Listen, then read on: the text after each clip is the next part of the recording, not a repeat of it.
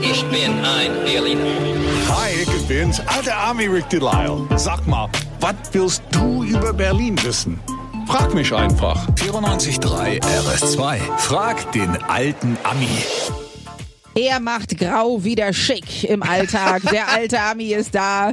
Das ist ein schönes Kompliment. Ja, das Danke ist wirklich dir. so. Sehr gut siehst du aus. Guten Morgen und hast wieder dein gesamtes Wissen mitgebracht, um äh, schwierige Berlin-Fragen zu lösen. Und Find ich mein gut. Brennnessel-Tee. Ist Brennnessel-Tee dabei. ist ganz Muss wichtig. Ja auch dabei. Fahrrad, Brennnessel-Tee und dann kann es losgehen. Morgen Nora aus Luckenwalde. Guten Morgen, ihr beiden. Hallo. Was ist deine Frage, Nora?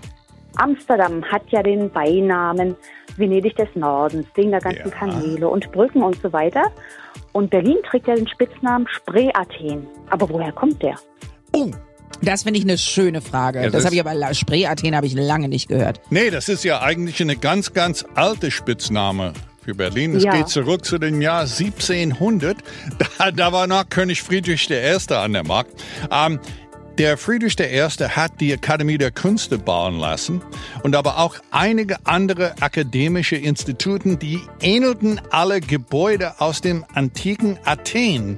Und so nannte der Dichter Erdmann Würker in einem Gedicht, logischerweise, Berlin Spree Athen. Das war so ein, ein gedacht als Kompliment an der König. Also Schleim war schon damals in.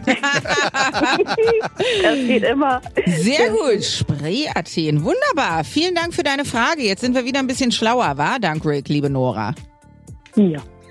Ja, bisschen. Ja, bisschen. Ja, ich, ich weiß ich frage mich, ob Rick mit dabei war bei der Eröffnung. Äh, Natürlich. Ja. Was glaubst du? Na klar, der war überall dabei. Der hat die Welt erfunden, Mann. Du weißt, was immer du über Berlin wissen willst. Frag den alten Ami. Auf 94.3 RS2.